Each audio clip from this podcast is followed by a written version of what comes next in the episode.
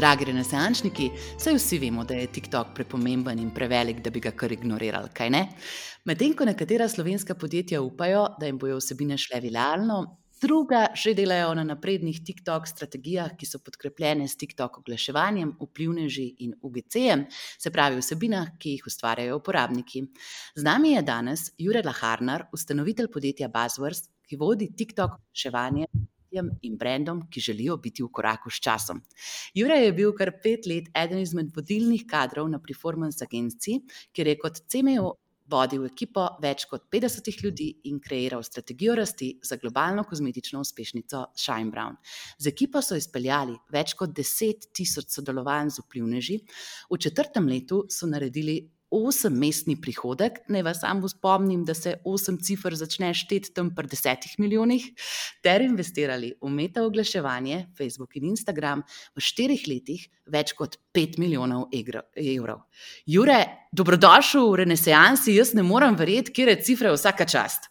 Jo, hvala lepa najprej za povabilo, um, cifre pa ja produkt trdega dela, pa velike nestrasti do digital marketinga, ki jo po mojem tukaj, v bistvu, je to ta stvar, ki je nama že skupna, odkar se poznava. No. Tako da res hvala za povabilo.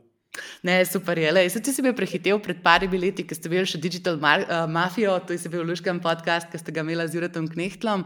Ampak lej, zdaj boš pa ti tako povedal o vseh novih zadevah, ki jih pripravljate. Tako da, ja. dragi poslušalci, pripravite se na ogromno dozo novega znanja, pozitivne energije in inspiracije z Juretom.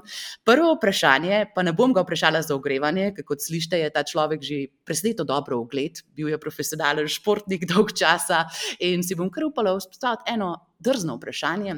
In sicer, Jure, tako le je, a slovenske blagovne znamke sploh lahko uspešno oglašujejo na TikToku? A se to sploh da, ker to je kar polemika? Ja, sigurno se da. Naj, najhitrejši, pa najkrajši odgovor bi bil: ja, pa bi lahko zaključila debato. Uh, je pa stvar veliko bolj zakomplicirana, zato je tudi vprašanje, sigurno na mestu. Um, kar se tiče zdaj blagovnih znamk, pa bodi si, da so to slovenske, ali so to evropske, ali so to ameriške blagovne znamke, pogoji so malo drugačni za igro na TikToku. Kot vemo, v Sloveniji ne moreš oglaševati, torej da bi prav oglase videl v Sloveniji. Ampak kar se dogaja, je, da brendi danes zelo lahko pridejo do tujine, do tujih trgov in to nam je omogočil nekako meta-advertising leta 2016, že 2017, ki je tvoj brat Jure recimo začel z Ed-Starom, pa uh, uh, že Vigošop takrat popeljal v Višave, se je takrat to pokazalo. Zdaj, kar se tiče pa TikToka, je pa zadeva dokaj podobna in obstajajo tudi brendi v Sloveniji, ki oglašujejo v tujini. Torej, da se oglašati, ampak ne v Sloveniji. Kar uh, dela, uh, v bistvu, kako prihaja TikTok zdaj do Slovenije, počasi je, da se grejo od severa proti jugu.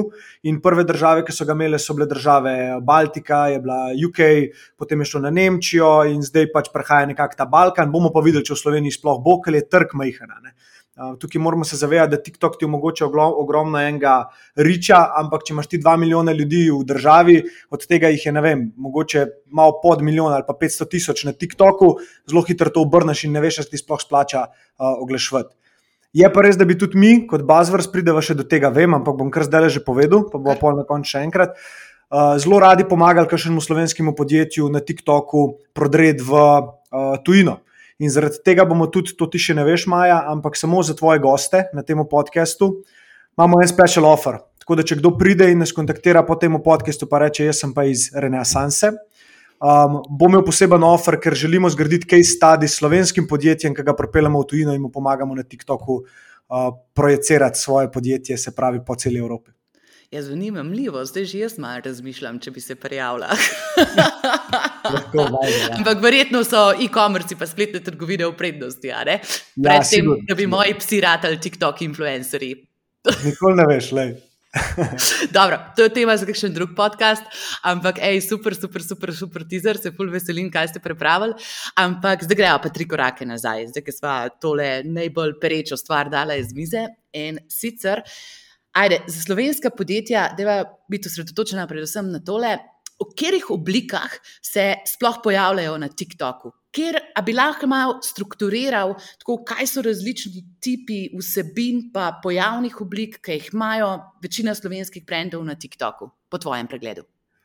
Ja, um, zdaj, kar največ vidim, je nek ta company culture, se pravi, po prosti izrazom. Vem, da bo kdaj kaj angliškega zraven, pa slovenščina je najlepši jezik na svetu, tako da se vsem upravičujem, če kdaj kaj pride ven, ampak ja, ti me razumeš, vem, Maja. Um, v glavnem, um, ta nek, neka kultura podjetja se zelo dobro kaže pri pr nekih določenih brendih, ki jih že vidimo na TikToku slovenskih. In to je recimo en dober primer, je Evitas, drug dober primer so recimo Mali Junaki. Tako, če si boste njihove TikTok profile pogledali, boste zelo začutili nek ta humorističen um, approach do to smo pa mi. In v bistvu, kar oni ustvarjajo s tem, je izkoriščajo platformo TikTok, zato da pokažejo, pri nas delati je pa dobro. Mi se imamo super in znamo z neko kreativo tudi produkte pokazati v našem sklopu tega, kar delamo. Um, Medtem ko na drugi strani mislim, da so zdaj neka podjetja, ki so začutila to pomembnost um, nekega viralnega um, um, efekta, ki se dogaja na TikToku, in kar želijo narediti, je, ok, kako zdaj mi lahko prodamo okay, preko TikToka organsko, in tukaj se ponavadi kar upečejo, ker to je res tek na dolge proge, če ti hočeš na TikToku organsko zadevo prodajati, je pa uh, se pravi neka skupnost od zadaj, ki ti verjame zelo pomembna, da ti dejansko tukaj reagira na platformo, kot je TikTok. Zato, ker je zelo taka top of the funnel platforma, um, ki ti bo prinesla veliko gledov, ne dela pa še nekako dobro kot neka platforma za konverzijo oziroma prodajo. Ne? In zdaj podjetja so, po mojem, največ v tej fazi, da to ugotavljajo. In videl sem že ogromno enih zapisov na LinkedIn, kjer um, ljudje govorijo, kako je TikTok samo neka modna muha in da v bistvu se tukaj sploh ne da gor narediti, da je to za otroke, da ljudje prihajajo gor zabijati čas, itd. itd., itd. Medtem ko mi recimo vidimo TikTok kot eno zelo pomembno platformo v marketinški strategiji vsakega podjetja. In ena stvar, kjer se bo, mislim, da delala zelo velika razlika, je, kako bojo podjetja sposobna sodelovati z drugimi ustvarjalci vsebin, ki so na TikToku in v bistvu njihove obraze, njihov brand, personal brand, uporabiti za to, da dobijo te lovke, ki jih iščejo. Um, ker TikTok bo podjetjem omogočil in že omogoča podjetjem v Sloveniji, da nekako delajo na prepoznavnosti, da za njih zvejo mogoče mlajše generacije, da se njim pokažejo v mal drugačni luči, ampak.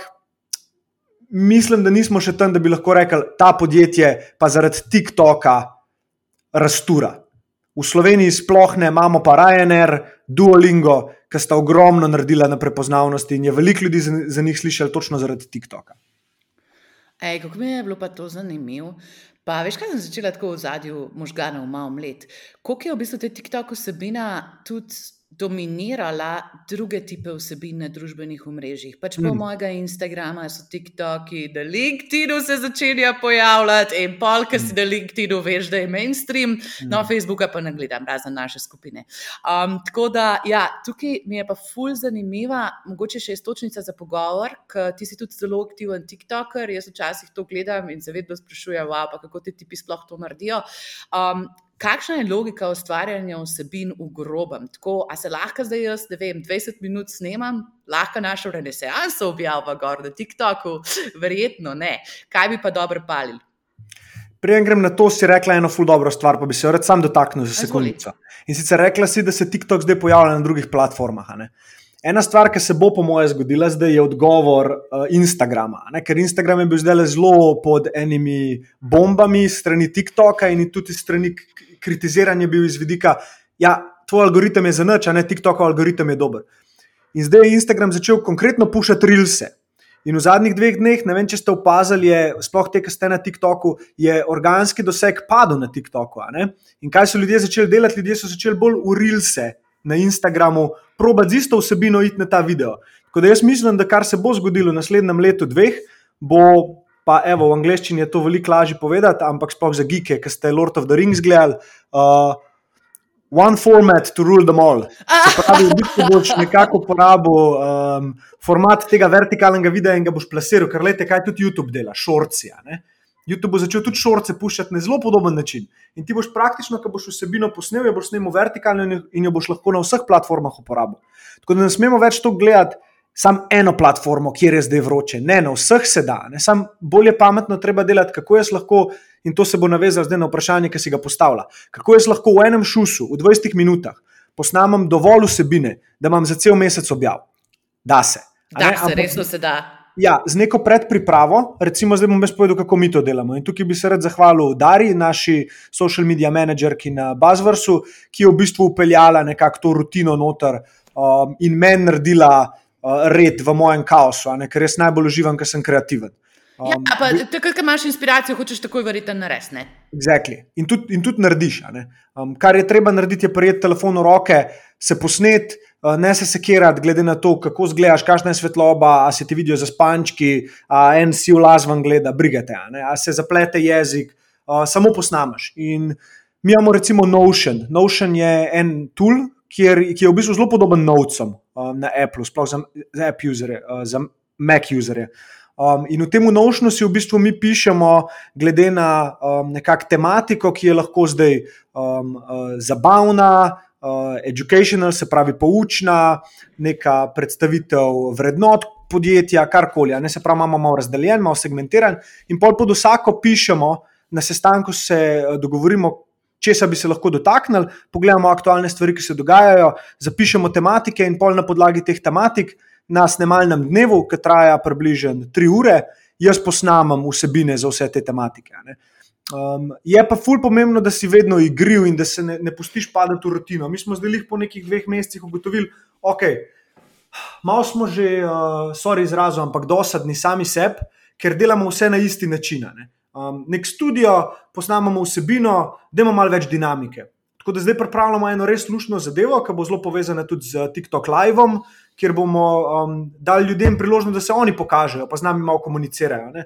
Manjka, sploh meni manjka ta, uh, ta komunikacija z nekim človekom na drugi strani. Ne? Ker zelo hitro, ker narediš 20, 30, 40 videov na TikToku, se vprašaš, ok, a me sploh slišijo, a, a, a lahko dobim malo feedbacka. Ne? Ker feedback se tukaj ne bo kazal. Moje mnenje v všečkih, v delitvah vsebin, v številu followerjev. Tukaj se bo kazal na neki pač zmožnosti vplivanja na druge ljudi preko platforme, ki je načeloma narejena za zabijanje cajta. Ej, to mi je pa zelo všeč. Ja. In klele sem pa tudi začela razmišljati, da bom dala metriko mojim, ki pač tako delamo na LinkedIn, pa pač na full velikem prodajnem ciklu, ki je lahko včasih šest mesecev, včasih pa tri leta, število pogovorov. Ne število mm. lidov, zaradi tega, ker niso vsi pač takoj pripravljeni kupiti od tebe, ampak koliko ljudi te je privatno kontaktiralo po mailu, po tvojih DM-jih, da tisto, kar si rekel, je na nek način rezoniralo. Jaz sem zanj dobila, mislim, čisto da enega LinkedIn posta potem e-mail, korespondenco iz Amerike posredovano, I think you should read this. Ker razmišljaš skupaj, ker en takšen bas možganov se naredi, buzzwords, bas možganov. Ampak ja, mislim, ful, ful, ful, ful, ful, sem začela razmišljati o tem, število pogovorov, ki jih ustvariš. Hmm. Definitivno. Mislim, istočasno nam družbeno omrežje omogočajo, da smo ful bolj povezani z ljudmi. Ampak ta klišejska druga zadeva je točno ta. Um, a smo res bolj povezani, ali dejansko zgubljamo ta nek um, posluh za, za druge ljudi? A, Ker, a, se, a se na social mediji vrti vse okoli mene, ali dejansko hočem res razviti neko komunikacijo. In če delate na strategiji prepoznavnosti blagovne znamke in takih zadevah, se vprašajte, kako lahko v naslednjih parih letih um, ustvarjam okoli sebe neko skupnost, ki me posluša in ki mi zaupa. Ker tudi influencer marketing, vem, da se ga bo dotaknila, ampak tukaj na TikToku bo to zelo, zelo, zelo um, vidno. Ljudje, ki bodo imeli zaupanje, bodo najboljši influencerji. Ne ljudje, ki bodo imeli največ všečkov, ljudje, ki bodo imeli največ followerjev. Ker kar se bo dogajalo, bojo brendi, bojo rabili, um, oziroma blagovne znamke, bojo rabili push oziroma pomoč na strani prodaje. Kako jaz zdaj lahko v tej poplavi vsega, kar se dogaja, rezoniram z neko skupnostjo nekoga, ki je v moji niši in ga jaz hočem zadeti, ne z oglasi, ampak z ljudmi, katerim on že zaupa. Upam, da ni bilo to preveč zakomplicirano, ampak long story short, delite na zaupanju, delite na skupnosti in razmišljate, kako lahko komunicirate z ljudmi, ki vas spremljajo, da se bodo počutili del tega. Ankete, e-mail baze, newsletteri, ki niso samo kupi, dodana vrednost, posebne ugodnosti, eventi. Mislim, da je tukaj v zadnji zraven ogromno enih stvari, ki se jih bo zdaj treba začeti povezati v družbena omrežja, družbena omrežja pa uporabljati za to, da si viden. Ej, meni je bil to dober odgovor, to pa takoj sem se spomnila na tist, mislim, da si včeraj dal o vrednotah. Uh, jaz to na Instagramu gledam, ampak vem, da je bila TikTok nativna vsebina. Um, koliko je pomemben pri tem kuriranju vsebin, tudi kva mi delamo, pa česa se mi ne gremo, da si zelo, zelo, zelo, zelo osredotočen na tudi te vrednote. Pa da ti malo več pove o tem, no, ker siguran, mislim, za Shine Brown ste mogli o tem fur razmišljati, zato ker, mislim, blagovna znamka znamka tu hitrata, seksistična, kadar se tiče mm. poljudja, pa mm. tako fulje treba biti prevideno. No. Wow. In ne samo to, ne, ne samo to, recimo za, za Šajmrom pa je ful dobro primer si dala. Um, prve dve leti, da se bomo prav razumeli, na, na začetku je bil zelo pomemben cash flow. Dokler mi nismo bili sposobni zadeve prodati, oziroma dokler nismo vedeli, da zadevo lahko prodamo, um, se nismo ukvarjali preveč z identiteto brenda, z vrednotami itd. Um, ko se je enkrat začel pojavljati ta momentum, ok, produkt je v redu, kaj zdaj lahko naredimo več, da bojo ljudje z nami ostali, da ne bojo šli v konkurenci, ker začele so se pojavljati zelo, zelo dobre kopije. Uh, pač Shine Browna. In tudi, kar sem jaz opazil, tako prvič, da sem dobil nekako občutek, da zdaj tukaj pa moramo narediti en korak naprej, je bilo, ker se je začel Shine Brown uporabljati iz vidika, da je to neka krema za porjavitev kot recimo um, Vileda. Ne? Ti rečeš Vileda, tudi krpi, ki ni od brenda Vileda. Ja, ja, ja, ja, ja, a pa jogi, pa Adidaske, te kategorične imena hočeš ja. demonirati. Ja. In ker sem jaz to začel poslušati od ljudi, ki niso poznali, ki je bila prej bila marmelada, recimo v Sloveniji. Ampak Pokaj bi ljudje odej, uh, rabimo še en Shine Brown, da bomo bolj rjavi. In niso mislili sploh tega, ampak karkoli. Pač, ker sem dejansko to opazil, sem rekel, ok, v redu, treba je narediti en korak naprej. In jaz sem pač itak zaljubljen v grajenje nekega brenda in teh stvari. Zato je bilo zelo tako nečero za me, uh, zelo naravno. Um, in kar smo začeli delati, smo se začeli sprašovati, okay, kako zdaj mi zacementiramo nekako to, kar je že ustvarjeno. Torej, nek dizajn, barve, čudovite barve, kontraste se je dalo ustvarjati, ampak kako gremo lahko korak naprej in kle so bile pol nekakšne vrednote. In se je začela oblikovati neka identiteta blagovne znamke, kjer je uh, Manca Vihtelič z mano delala takrat tudi še na Edstaru, um, ogromno, ogromno časa posvetila temu, da je zdaj ne samo, da smo skupaj določili neke vrednote, pa z rokom, pa ni to Shine Browna, s celo ekipo v bistvu, ampak kako smo mi to na nek privlačen način dali v neko knjigo oziroma prospekt, da so vsi, ki so to prijeli v roke, se počutili bolj pripadni temu. In vsak, ki je prišel v stik z brendom, je lahko to dobil v roke, je odprl in rekel: Oh, hudo, to je njihov uh, tipičen influencer, s temi ljudmi delajo, um, taki so njihovi fonti, a zato je palnica gor. Nek pomen, da je z zadevama. Ne? In če se vrnemo zdaj nazaj na vrednote, pa zakaj jaz mislim, da so najbolj pomembne. Vrednote ti dajo v bistvu, um, jo, vidiš, angliška beseda je trajektori, torej neko smer. Ne bi znala prebrati. Ja. Kaj je to? Smer. Trajektor je v bistvu ti naštimaš nekako, kam želiš, da recimo raketa poleti. Vrednote so kompas. Evo ga, recimo kompas, bravo, kompas. v glavnem, um, vrednote so kompas uh, in vrednote ti bojo pokazale smer, v katero želiš iti. Ko ti skreneš te smeri, vsi, ki so okoli tebe in so seznanjeni z vrednotami podjetja, lahko rečejo: Jo, to nismo mi gremo v drugo smer. In to je bila ena lušna igrica, ki smo se jo mišli vedno v mojih ekipah na marketingu. Dolžen si bil človeku zraven tebe povedati, da je z te poti skrenil. In vedno smo se na začetku strinjali, da so to vrednote, katerim vsi hočemo slediti. Ne, ne zdaj pomeni, to zdaj ne pomeni, da če ti nimaš teh vrednot, da ne spadaš v ekipo. Ne, ampak to je naš. V, v, ko smo v ekipi, so to vrednote naše ekipe. Recimo, ena izmed vrednot je, da smo prijazni, smo proaktivni, um, delimo feedback tudi, kaj je slab. Ok, zdaj sem mal, recimo, še ne, ne, ne tako direktne, ampak ti v bistvu ljudem daš vedeti, kaj, kaj je tukaj dovoljeno po eni strani in kaj po drugi strani ni. In bolj, kot ti te vrednote um, živiš, bolj se te vrednote cementirajo noter in vidijo tudi na nastopu potem uh, druge. Recimo, ena naša vrednota je um, fun, but not childish. Se pravi, smo igrivi, ampak nismo otroci. In to nam zelo pomaga vzpostaviti stik komunikacije z občinstvom, ker humor je nekaj najlepšega, kar ti lahko preneseš v pisarno, kamorkoli in te bo prej povezal z ljudmi. Um, in pa bi šel lahko naprej še z ostalimi, ampak res ne bi rad razvlekel tega Uh, tako da ja, upam, da sem odgovoril. No. Ne, noro, dobro si odgovoril. Pa tudi ta tvoja tranzicija, da ste na začetku nekaj naredili, da ste se z brendom v organskem okolju na začetku seznanili, pa da ste iz tega izhajali, je meni tisočkrat bolj všeč, kot kar tisti način, sorry, ki bom nesramno rekla, vrednote potegnemo iz riti, se usedemo mm. dol, pa vsak napiše, da tablo neke stvari, ki ni v življenju povedijo in pol to prlimamo na produkt. Uh, tako da ja, ta organska evolucija mi je tudi zelo všeč. In idealna stočnica, da greva v bistvu na naslednjem pogovoru pogovor, ki pa je o tem, kje znamke so lahko uspešne na TikToku, kakšne vrste podjetja tam uspevajo. Zato, ker se mi nekako neizpodgibno zdi, da je to povezano tudi s prejšnjo temo, o kateri smo se pogovarjali. Mm, ja, um, pa, to je zelo zgodaj zdaj za reči.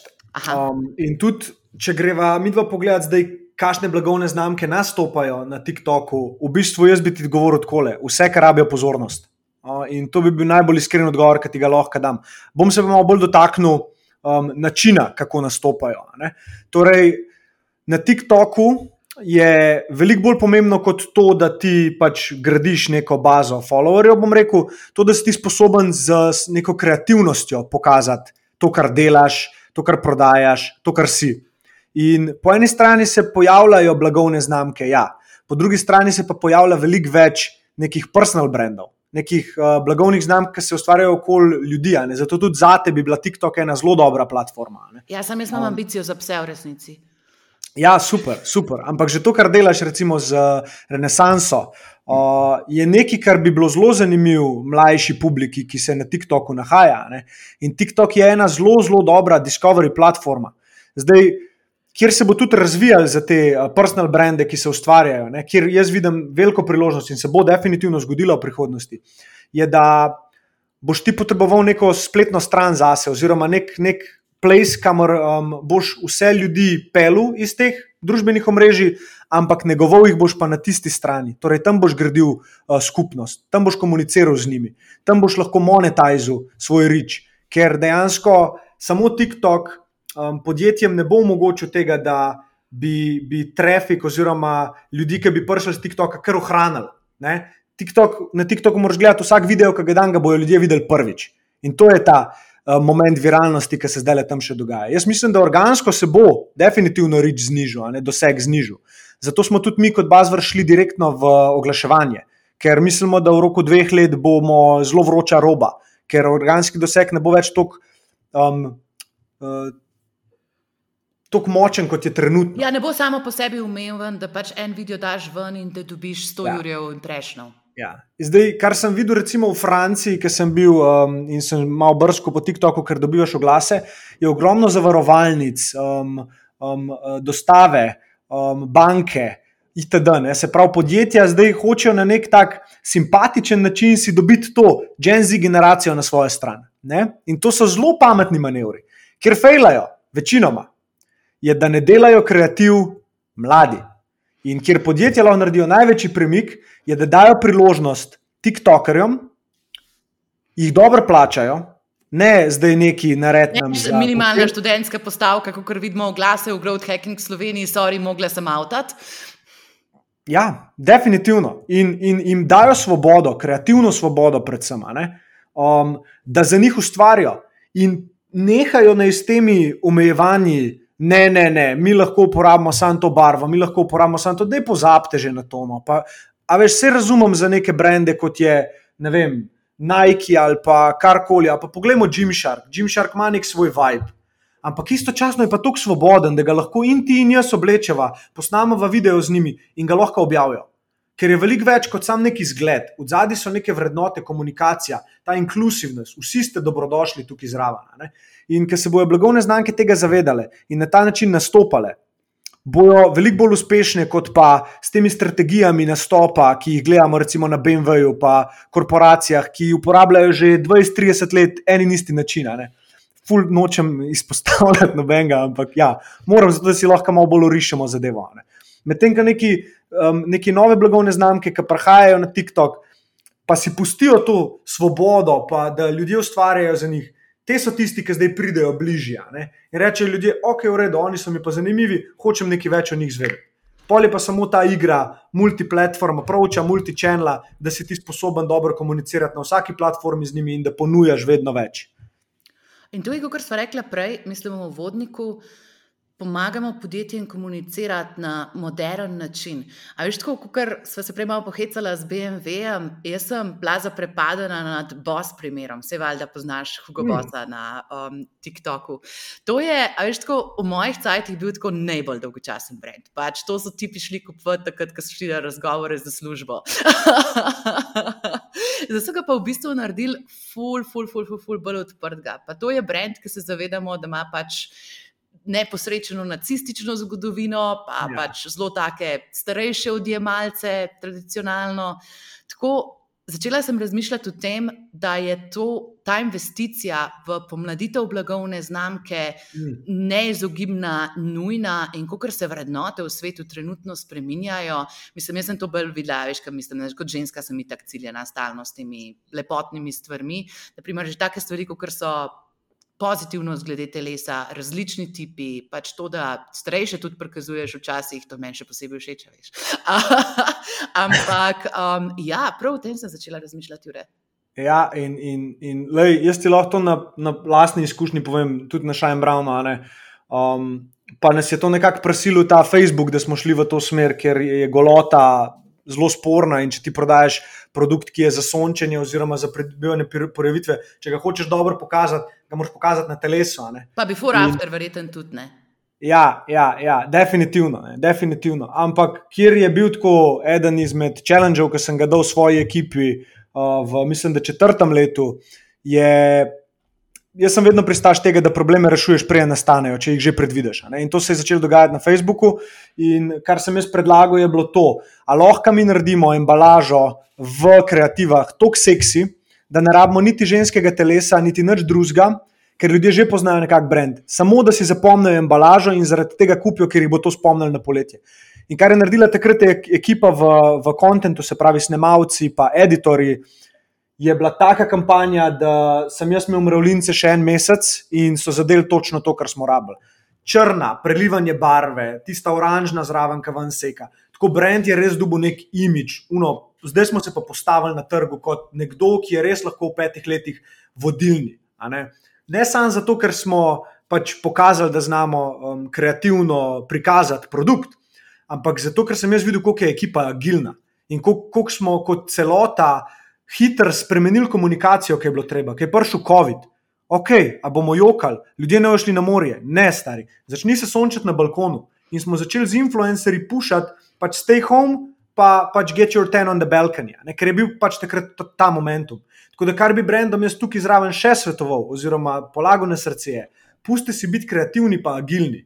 Če imate v ekipi ljudi, ki hitro razmišljajo, rabite pa samo ljudi, ki bojo poskrbeli za execution. In to skupaj, ki daš to dvoje skupaj z dobrim leadershipom, dejansko te ne more nič podreti, ker ko pride do spremembe, si ti, ti to spremembe izkoristiš za to, da rata še bolj kul. Cool, in dejansko se premakneš v neko pozitivno smer rasti. In v bistvu tudi ti starejši brendi, ko grejo zdaj v neko tranzicijo, ne se bati tranzicije, ampak rab, rabite pa mlade ljudi, ki vam bodo povedali, kako. Ne, ne, ne nekako razmišljati, ok, to nam je do zdaj ratval, mladi živejo. In jaz, recimo, za kreativne ideje se družim samo z mulci. 17 do 20 let starimi, ki me navdihujejo vsak dan in na koncu dneva ne mentoriram jaz njih, ampak sem sam tih in samo občudujem, kako dela glava, kje je trend, kam se pomikajo. In to je nekaj najlepšega, kar lahko naredite. Poslušajte mlade. Kako lepo, ja. zdaj imam pa jaz mravljince. Ej, ampak mi da greva še na eno zanimivo potovanje v tem podkastu in sicer je skrajni čas, da gremo v drobovje. Oglaševanje. oglaševanje na TikToku, tem, če ima v bistvu Slovenija še ne ve veliko, zato ker enostavno ni dosegljivo, ampak da bi nas lahko malo strukturirano čez najpomembnejše stvari v oglaševanju popelu. Itak. Zdaj, oglaševanje na TikToku bom jaz razdelil na dva dela. En je plačljivo oglaševanje preko glasov, drugo je influencer marketing. Na tega ne smemo pozabiti. Ne? Plačaš, ampak pač mi ga ne enačimo z advertizingom, ker dejansko influencer marketing svoje besede. Ok, dotaknemo se te prvo plačljivega. Um, kjer smo mi fejlali in me to res ni sram povedati, čeprav sem se takrat tresel, kot cucek na držju, uh, je bilo, da smo prve dva klienta v roku dveh mesecev izgubili.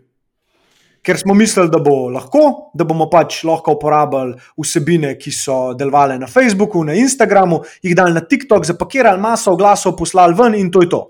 No, mi smo prežgali oglase in rezultati so bili pač katastrofalni. Ne? In bolj, ker smo mi gledali, ok, v redu, boljši kontent rabimo. In pa se je začel ta proces, nekako, kako ga bomo zdaj dobili. In ta proces je nam dal vedeti, da ne bo to lahka pot. In zdaj smo v bistvu v zadnjih šestih, sedmih mesecih delali konkretno na tem, da smo vzpostavili partnershipe po celi Evropi s ustvarjalci in pa menedžerji teh ustvarjalcev, ki nam zdaj ta, to vsebine lahko zagotovijo hiter in na TikTok native način. In zdaj neke kombinacije delati med temi vsebinami, dobrimi produkt čoti in pa se fokusirati predvsem na briefinge in pa um, nekako učiti ustvarjalce oziroma ustvarjalce vsebin, kaj pomeni attention grabber, se pravi, kako boš ti mene ustavil na videu, zakaj se bom ustavil in ga gledal, kako boš ti navezal problem na rešitev, ki ti ga jaz s svojim izdelkom pa storitvijo ponujam. In pa kako boš ti vkomponiral call to action, se pravi, nek, nek poziv k uh, temu, da človek nekaj naredi na koncu videa. Ne? Kako boš to ukomponiral zdaj v video kot ustvarjalec vsebin in zapakiral to v neko celoto, da mi potem to uporabimo v glasih.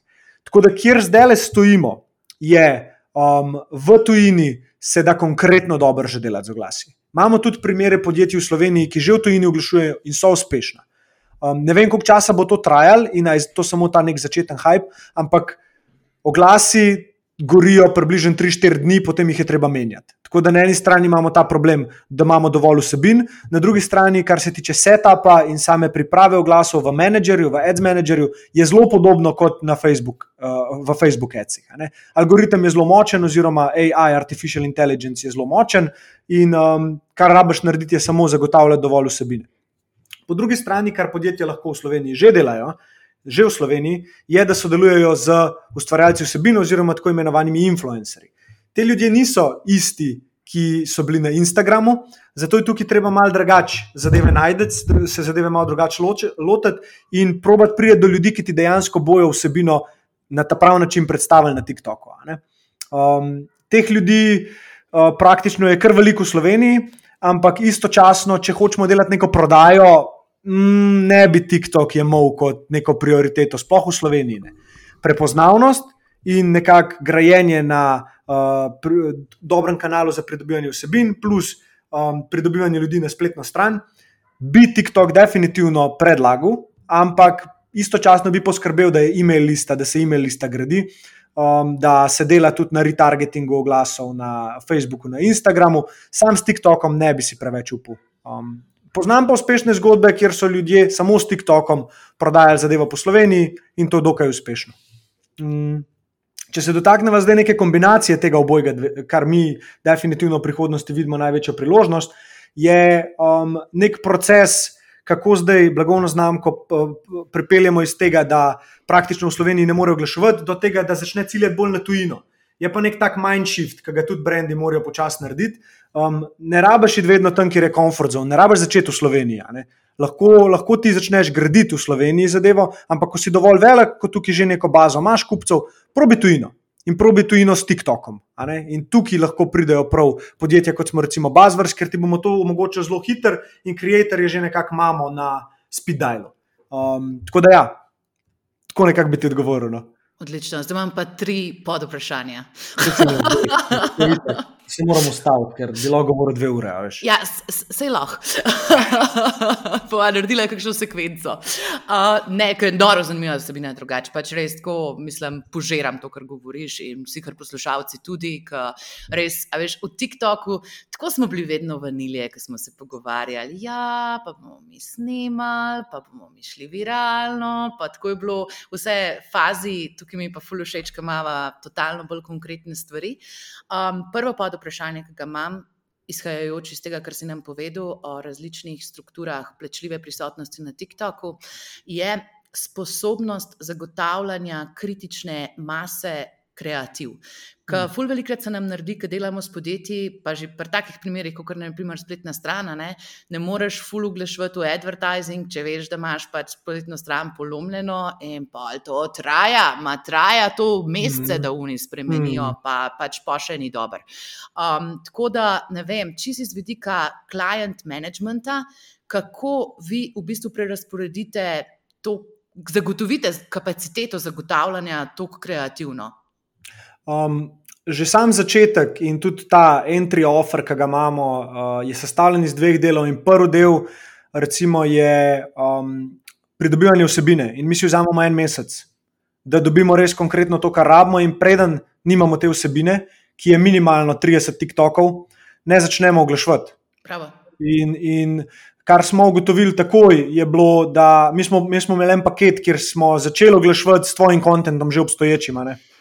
Uh, ja, to sta bila ta fejla na začetku. Ja. Uh, in, in ja, kar zdaj delamo, je dejansko ponujamo full service paket, kjer ti mi zagotovimo tudi vsebine in tega vzamejo v 95%, drug je pa samo media buying, torej ti vsebine že imaš, mi prevzamemo samo oglase.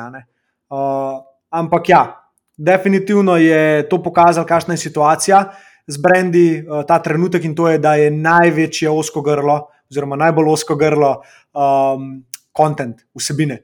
Tam uh, so ljudje. Uh, to je ta priložnost, ne, kjer jo mi vidimo, kako lahko ljudem pomagamo dobiti ta prave vsebine. In zato smo tudi vzeli, recimo, um, druga zaposlitev je bila Creative Strategistka. Uh, in to je punca, ki je delala na IKEA, to je punca, ki je delala na Adidasu, vodila njihove profile. Um, in v bistvu, ja, to je Anastazija, ki dela na Bazvrsu zdaj že tretji mesec, drug mesec. In eh, to je nekaj najboljžga, kar lahko v svojo ekipo dobiš, nekoga, ki dejansko razmišlja, kako dvignemo nivo vsebine, ne, kako dvignemo nivo tega, kar bomo oglašvali. In niti ni tako pomembno, neka kritična masa, bolj je pomembno, da vemo, kam vlagamo naš čas, da je ta vsebina res dobra, ker kar smo videli 2016, 2017, 2018, Facebook, karkoli si dal gor, grša, ki je bila kreativa, bolj ti je prodajala. Ne? In to. No Mi smo v Paintu no delali kreative, sam pač v zadnji si dal na belo. Ja, ja, ja. In tudi kle se zdaj to dogaja, ne? zelo podoben ta manever. In vem, da imajo eni brendi uspeh s tem istim pristopom. Predvsem te trendi šopi, ki so preživeli zdaj čez, to, uh, čez ta purging, ki se je zgodil, pa se bo še dogajal zdaj en let. Um, ja, videli so nekaj uspeha na TikToku, samo mene zanima, koliko časa bo trajalo. Uh, in tudi uh, lih razlagal sem enemu fantu, ki ga mentoriram, um, um, ta nekak manever, kakšna je razlika v bistvu med pristopom brenda in pristopom trendja. Kako eni delajo v bistvu na prvih kupcih, se pravi, konstantno na novih kupcih, in kako drugi delajo na tem, da v bistvu retention oziroma kupce, ki jih že imajo, nagrajujejo, da kupijo druge izdelke, komunicirajo z njimi itd. In TikTok je odlična platforma za to drugo, medtem ko za to prvo um, ni še. Verjamem, da bo, verjamem, da nekateri brendi imajo tukaj uspeh, ampak uh, je pa odlična za to, da ti nove obiskovalce dobiš na stran. Še zmeraj ti bojo pa oni denar prenašali potem v backendu, ki je pa e-mail, ki je pa komunikacija z komunitijem itd. Um, tako da ja, to bi edin še kle dodal. Pa, ja, tukaj le moramo gledati čez prizmo, da smo se zdaj le pogovarjali o plačljivem oglaševanju, o glasih kot o glasih. Zagrejamo pa v bistvu na drugi stebr, ki si ga ti sistematiziral, na vplivneže. In zdaj pa ena zgodba, um, klele, ja, veš, kaj bi jaz tudi te moje podjetniške mentorirance, pa pride včasih kdo, ki je hudo mladoleten, bomo rekli temu, zato da ne izpostavljamo kakšne starosti. In oni pač tako, a veš, so že na radarju podjetij, je pa težko zaradi tega, ker če oni oni to prek študentskega servisa, naprimer, tako za en TikTok video, ne bo podjetje, sploh ne večje, pač naredilo pogodbe s študentom, ker to je proces. In tukaj je čisto iz vidika, mislim, zagotavljanja. Učinkovitosti dogovorov, bom temu rekla tako, ker pač ja. res nimaš cajt, da se boš po par ur pač z vsakim dogovarjal, kaj je. Kakšne načine v bistvu vi to združujete? Neki si omenil, da imate že ene preverjanje, ampak tako, kako zoptimizirate ta proces komunikacije z influencerji, pa okay. tudi plačilne zmožnosti, pol, zato da niso pol kakšni problemi. Itak, itak. Eno super stvar si itak že rekla. Um, in rekla si za en video. Ja. Prvi mind shift, ki ga morajo brendi narediti, je ni več vplivnež. En video, ena slika, čez en mesec, to je to. Ne s temi novimi ustvarjalci vsebin, sploh na TikToku, ko boste delali. 30 videov, 40 videov, v roku enega tedna. In to je njim tako domače. Ker sem jaz to prvič slišal, da mi je nekdo to predlagal. Ja, pa dej rečemo mu za 40 videov, ne? sem bil tako čak, čak 40 videov, koliko moram to plačati? 5 jurjev. Ne, to je en snemalen dan. Ta fant je meni rekel, primoš, so sen. Je meni rekel, Jaz v enem snemalnem dnevu posnamem z štirimi vplivneži 40 TikTokov, ki jih lahko podjetje pol uporablja na svojem profilu, pa še oni jih lahko na svojem profilu uporabljajo. In jaz jim dejansko municijo dam za cel mesec. In jaz sem bil tako, what? Mi smo v enem snemalnem dnevu posneli nekaj za napage ali pa nekaj. Ne? Ker smo delali z vplivneži, je bilo to en video, pa en post na Instagramu.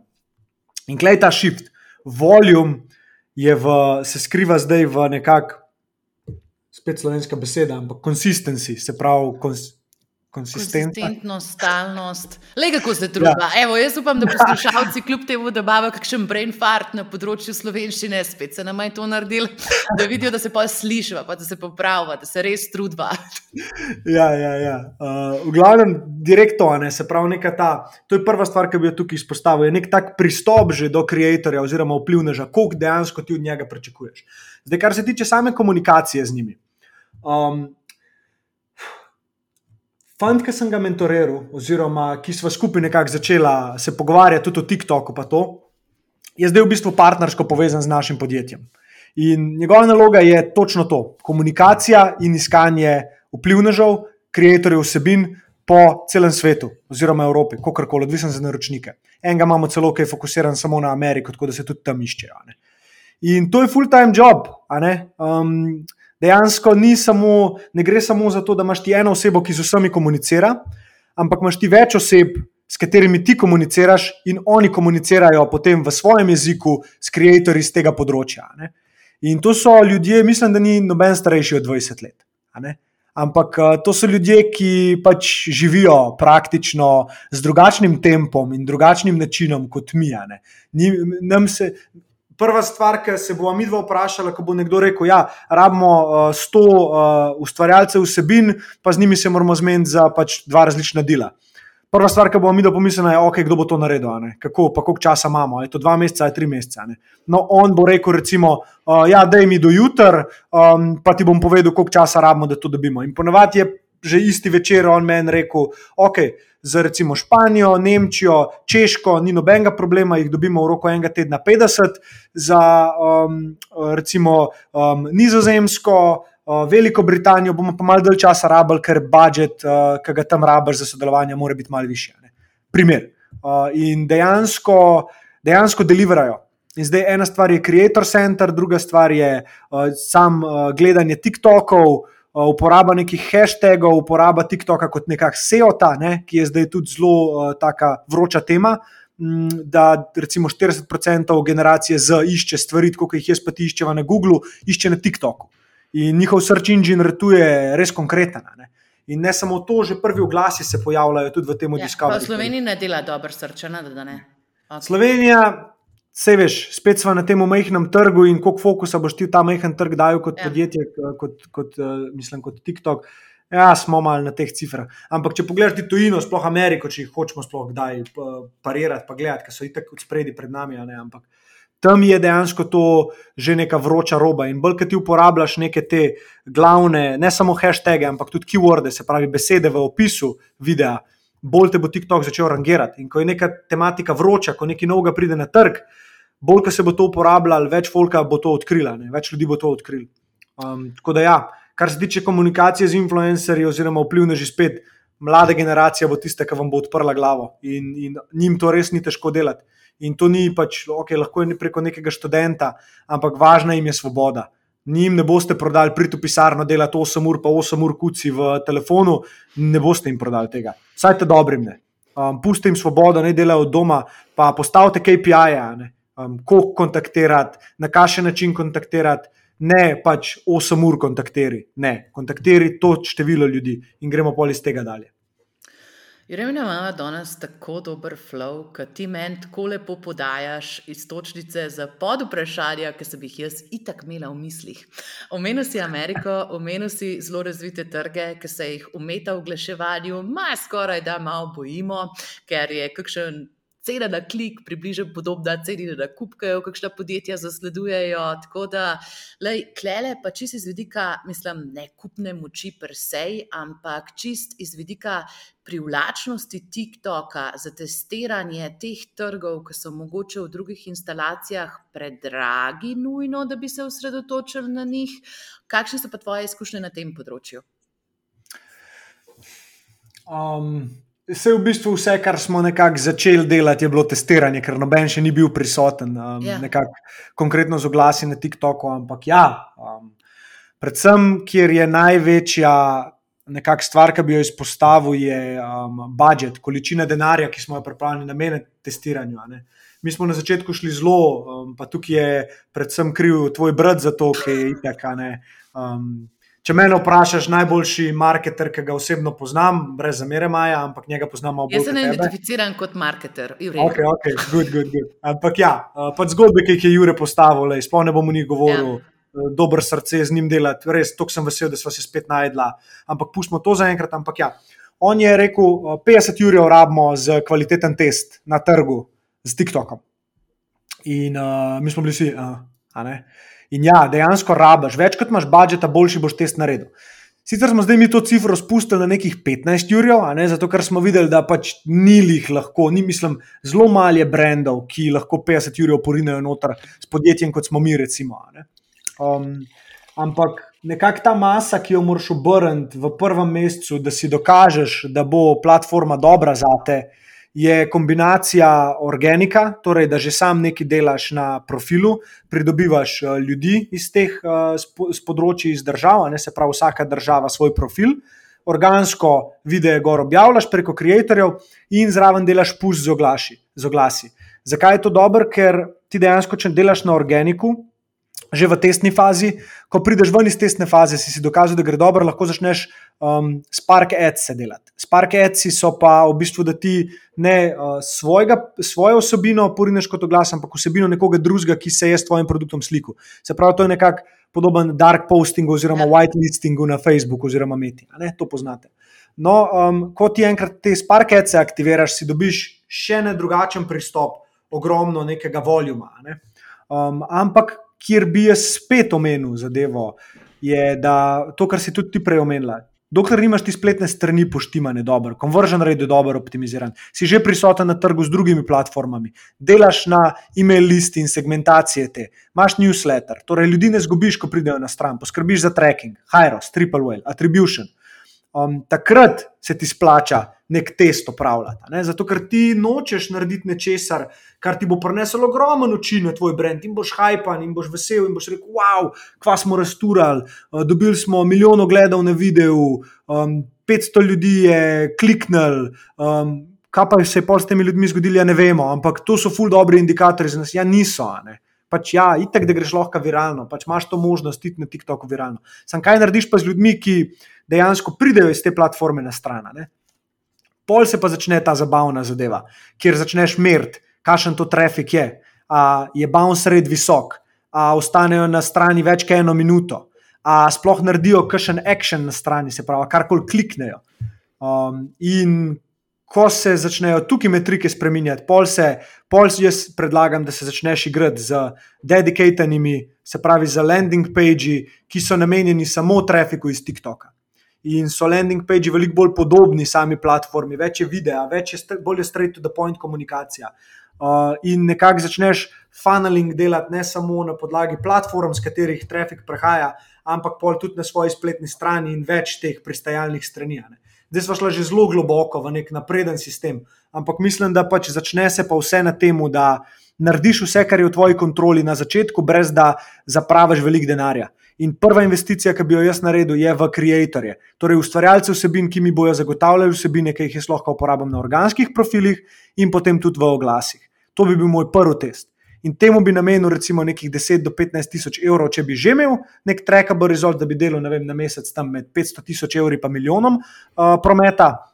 Če sem brand na začetku, bi namenil um, veliko časa organiku, probo bi v adsih oziroma v oglasih z nekim vsaj 1000-1500 evri na mesec, lihto, da potipam zadevo in potem bi reinvestiral vse, kar naredim noter, probo čez dalje več delati na še več vsebinah in potem, ko imam več vsebin, spet zagnal oglase in se učil.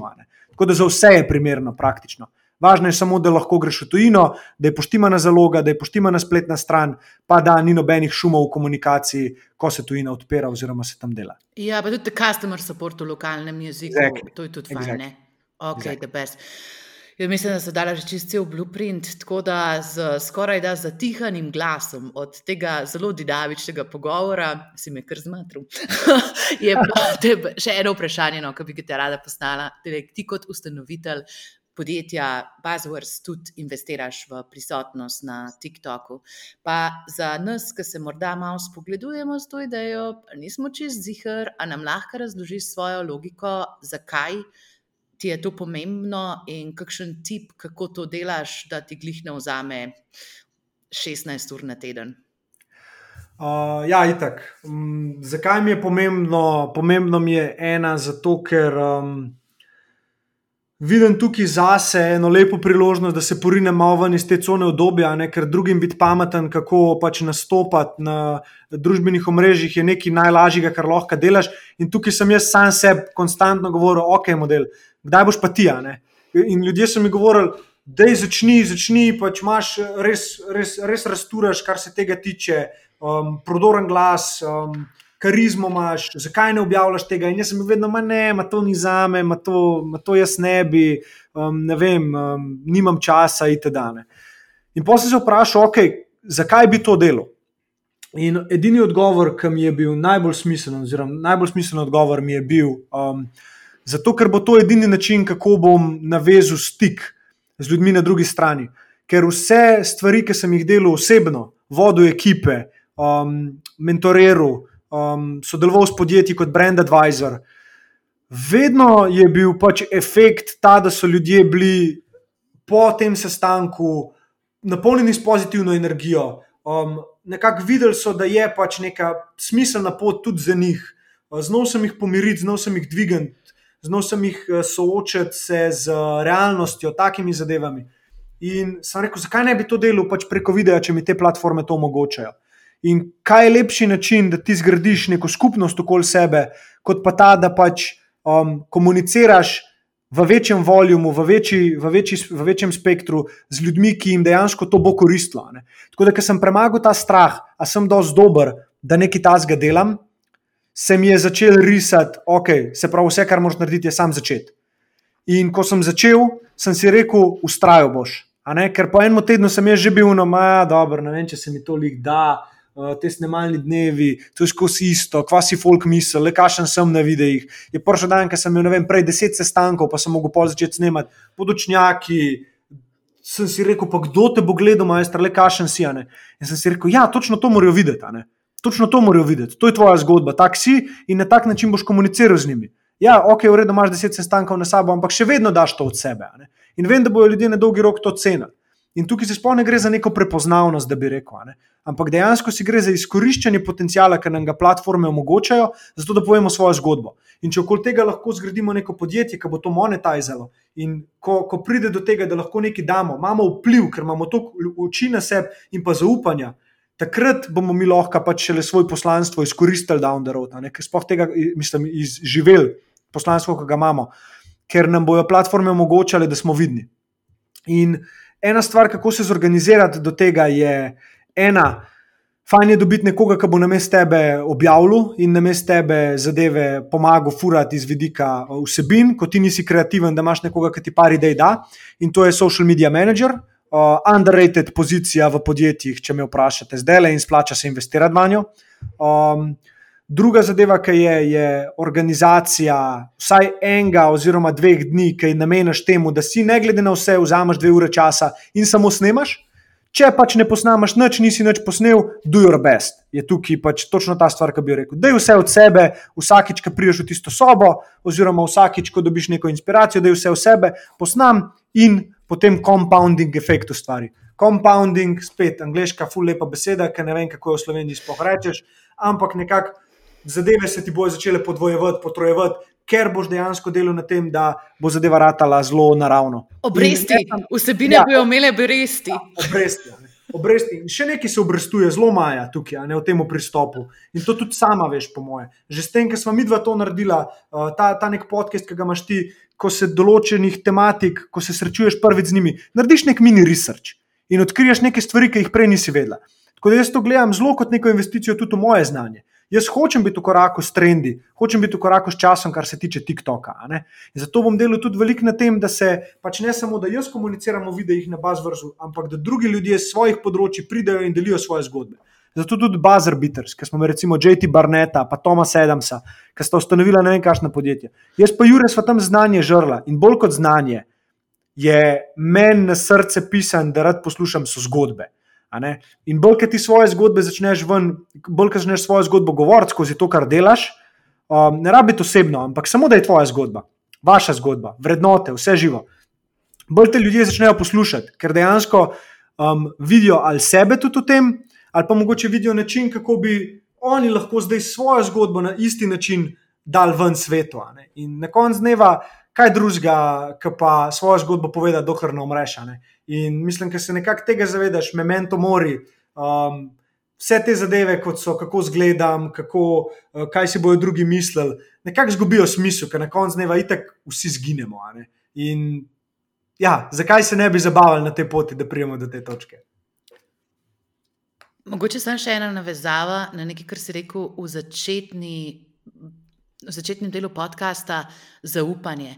Zaradi tega, mm. ker naša industrija, da bom rekla, da je zelo slab na slabem glasu, ampak zdaj vemo, imamo skemerje, imamo prodajalce megle, dropshipping tečajev in podobne stvari. In tako na začetku se mi zdi, da kar ljudje tako z enim nezaupanjem pristopijo do tebe. A, veš, to, a si ti realen, tako, a ti sam mm. govoriš, a ti tudi kaj delaš.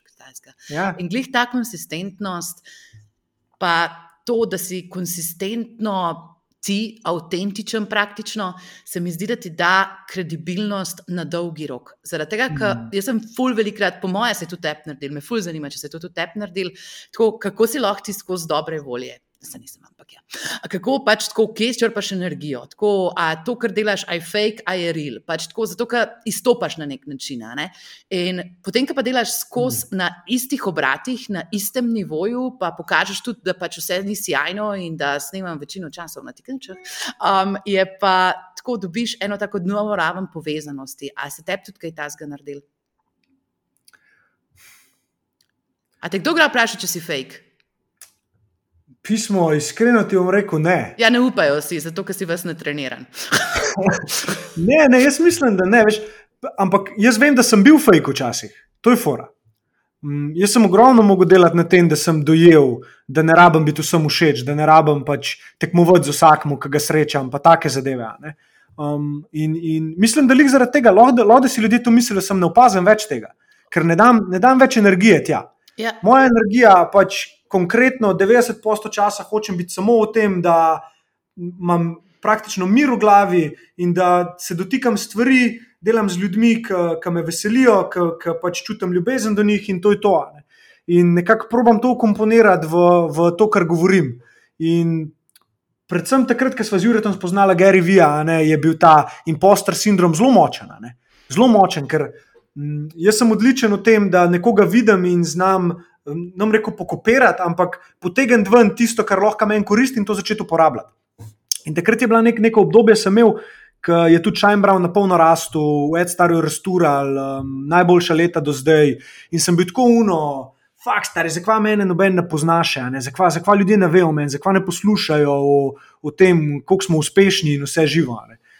In pol nekako se je začelo to razgrajevati do te mere, da sem v bistvu samo uh, sploh, ker sem šel stran od Inša in Brauna in Ed Stara in sem bil nekako back to square one, ne, je ta humility prišel nazaj. Kaj sploh si, mm, da je zdaj pokaša, koliko si dober. Pač vse si postavil neki, ampak kaj pa zdaj, ki si na nuli, kaj boš naredil, na kakšen način boš igro igral. In tukaj sem si rekel, pač prva stvar, ki mi je najbolj pomembna, je, da gradim trdne odnose z ljudmi, da sem čim bolj to, kar sem v vsaki sobi, na vsak podcast pridem z isto energijo, vsakič snemam z isto energijo, ker se pogledam v špegu, vidim isto osebo. Pač dajmo se tega držati in pravimo, kle ustrajati. In mislim, da mi gre dobro. Ja, zato mi gre dobro. Pač, bi pač ti rekel, da tega ne razumem več tega, fakt, kva si on misel o meni, sem fake ali nisem fake. Fake v čem? Praktično, kaj pa imamo za definirati? Ker na koncu dneva jaz vem, da projektov, ki se jih dotaknem, nekaj odnesejo od tega. Ljudje, ki se jih dotaknem, grejo bolj srečni iz tega pogovora. Um, to je nekako, kjer imam kontrolo in to je, kamor svoj fokus dajem. V svoj uh, v svoj output, v odnose in pa pač probam nekako se zavedati, da so se mi določene stvari zgodile, ki mi niso bile všeč in tega probam ljudem ne narediti. Zato mi je zelo pomemben tudi, da ljudje, s katerimi delam, ljudje, ki jih imamo zaposlene, projekti, ki se jih dotaknemo, da pač nekako ta kind candor, ki je v bistvu um, Gary zelo močno izpostavil v svoji knjigi 12 and a half, um, 12 and a half, ja, so vse. Uh, to pravim uporabljati, se pravi, da, sem, da, sem, da uporabljam neko prijaznost, da na lep način še zmeraj ljudem, ljudem probam pomagati biti boljši. In ta sploh negativne stvari povedati, pa um, folk soočiti z realnostjo, je bilo nekaj, kjer sem mogel full delati in požreti marsikšen smog, da sem ljudem rekel, da to ni bilo dobro. In če proti zaradi tega mogoče nam všeč, ki ti to povem, vem, da je dobro za te v prihodnosti. Ta, ta del. In tak sem poratil tudi do sebe. Tako da, ja, evo, spet sem šel. Po 20 ovinkih, ampak ja, upam, upam, da je bilo. Ne, če se dihamo, to samo pomeni, da sidramo ta sporočila. Uh, zdaj pa na koncu imaš pa ti še eno sporočilo za nas, ki si ga že prej napovedal. Pa zdaj definitivno bi rada tudi, da poveš, kje se lahko poslušalci nadaljujejo pogovor s tabo. Tako da, Jure, zdaj pa mikrofon tvoj. Ok, mislim, preden grem itak na karkoli, bi se ti rad uh, tebi še enkrat zahvalil. Um, slišal sem od velikih ljudi, da je to, kar delaš, uh, osem, tako da bi ti klej vlil malo tega uh, ognja, oziroma benzina na ogen, da pač keep it going, ne, nadaljuj. Um, slišal sem to od ljudi, ki so podjetniki uspešni, zato sem rekel, ok, v redu. Um, mora res nekaj dobrega biti na tem, tako da hvala ti za to, kar delaš, v imenu vseh, po moje, ki poslušajo tudi tole. Vsem, ki ste prišli do konca tega podcasta, bi isto rekel, hvala za pozornost. Če hočete stopiti v stik z mano, kakorkoli je najbolj na LinkedIn, Jurek Laharnar me najdete, objavljam tudi na TikToku, tudi če opišete Jurek Laharnar, bo najdel pa uh, Buzzwords podjetje. Jaz predlagam, da followate oziroma da sledite na TikToku. Ogromno enih vsebin objavljamo, ki niso povezane samo s TikTok marketingom, ampak tudi nekem razvoju kadra, personal developmentu, uh, smešne vsebine, zabavne vsebine. Tako da ja, počekajte, pa boste pa sami videli, če vam korist, uh, pa ostanite z nami. Um, zdaj, kjer, kjer me lahko še najdete, dejansko je Instagram, ampak LinkedIn je the best way to go.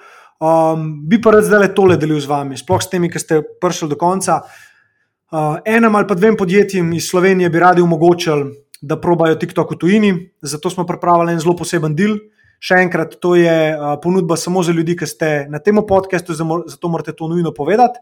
Pojdite na spletno stran The Buzzwords in nam pošljite um, e-mail na bazas.thebuzzwords.com lahko tudi pišete direktno meni na LinkedIn, ampak ponudba je taka, da bomo uh, vse fije, ki niso povezani s stroški, ki jih imamo, ko oglašujemo, oziroma ko nekoga spravimo v naš proces sodelovanja, jih bomo izničili.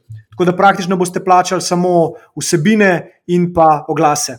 Um, To je za nek štart v prvem mesecu, radi bi eno uspešno zgodbo s slovenskim podjetjem zgradili ali pa dve. Tako da vsi, ki mislite, da ste zreli za tujino, ki ste tam že prisotni, nam pišite, pa se bomo dogovorili. Par kriterijev morate obklukati, preveriti moramo vaš policy z našimi partnerji na TikToku. Uh, ja, smo tudi TikTok marketing partnerji, tako da, ko to preverimo, da ste, da ste good to go, uh, lahko začnemo.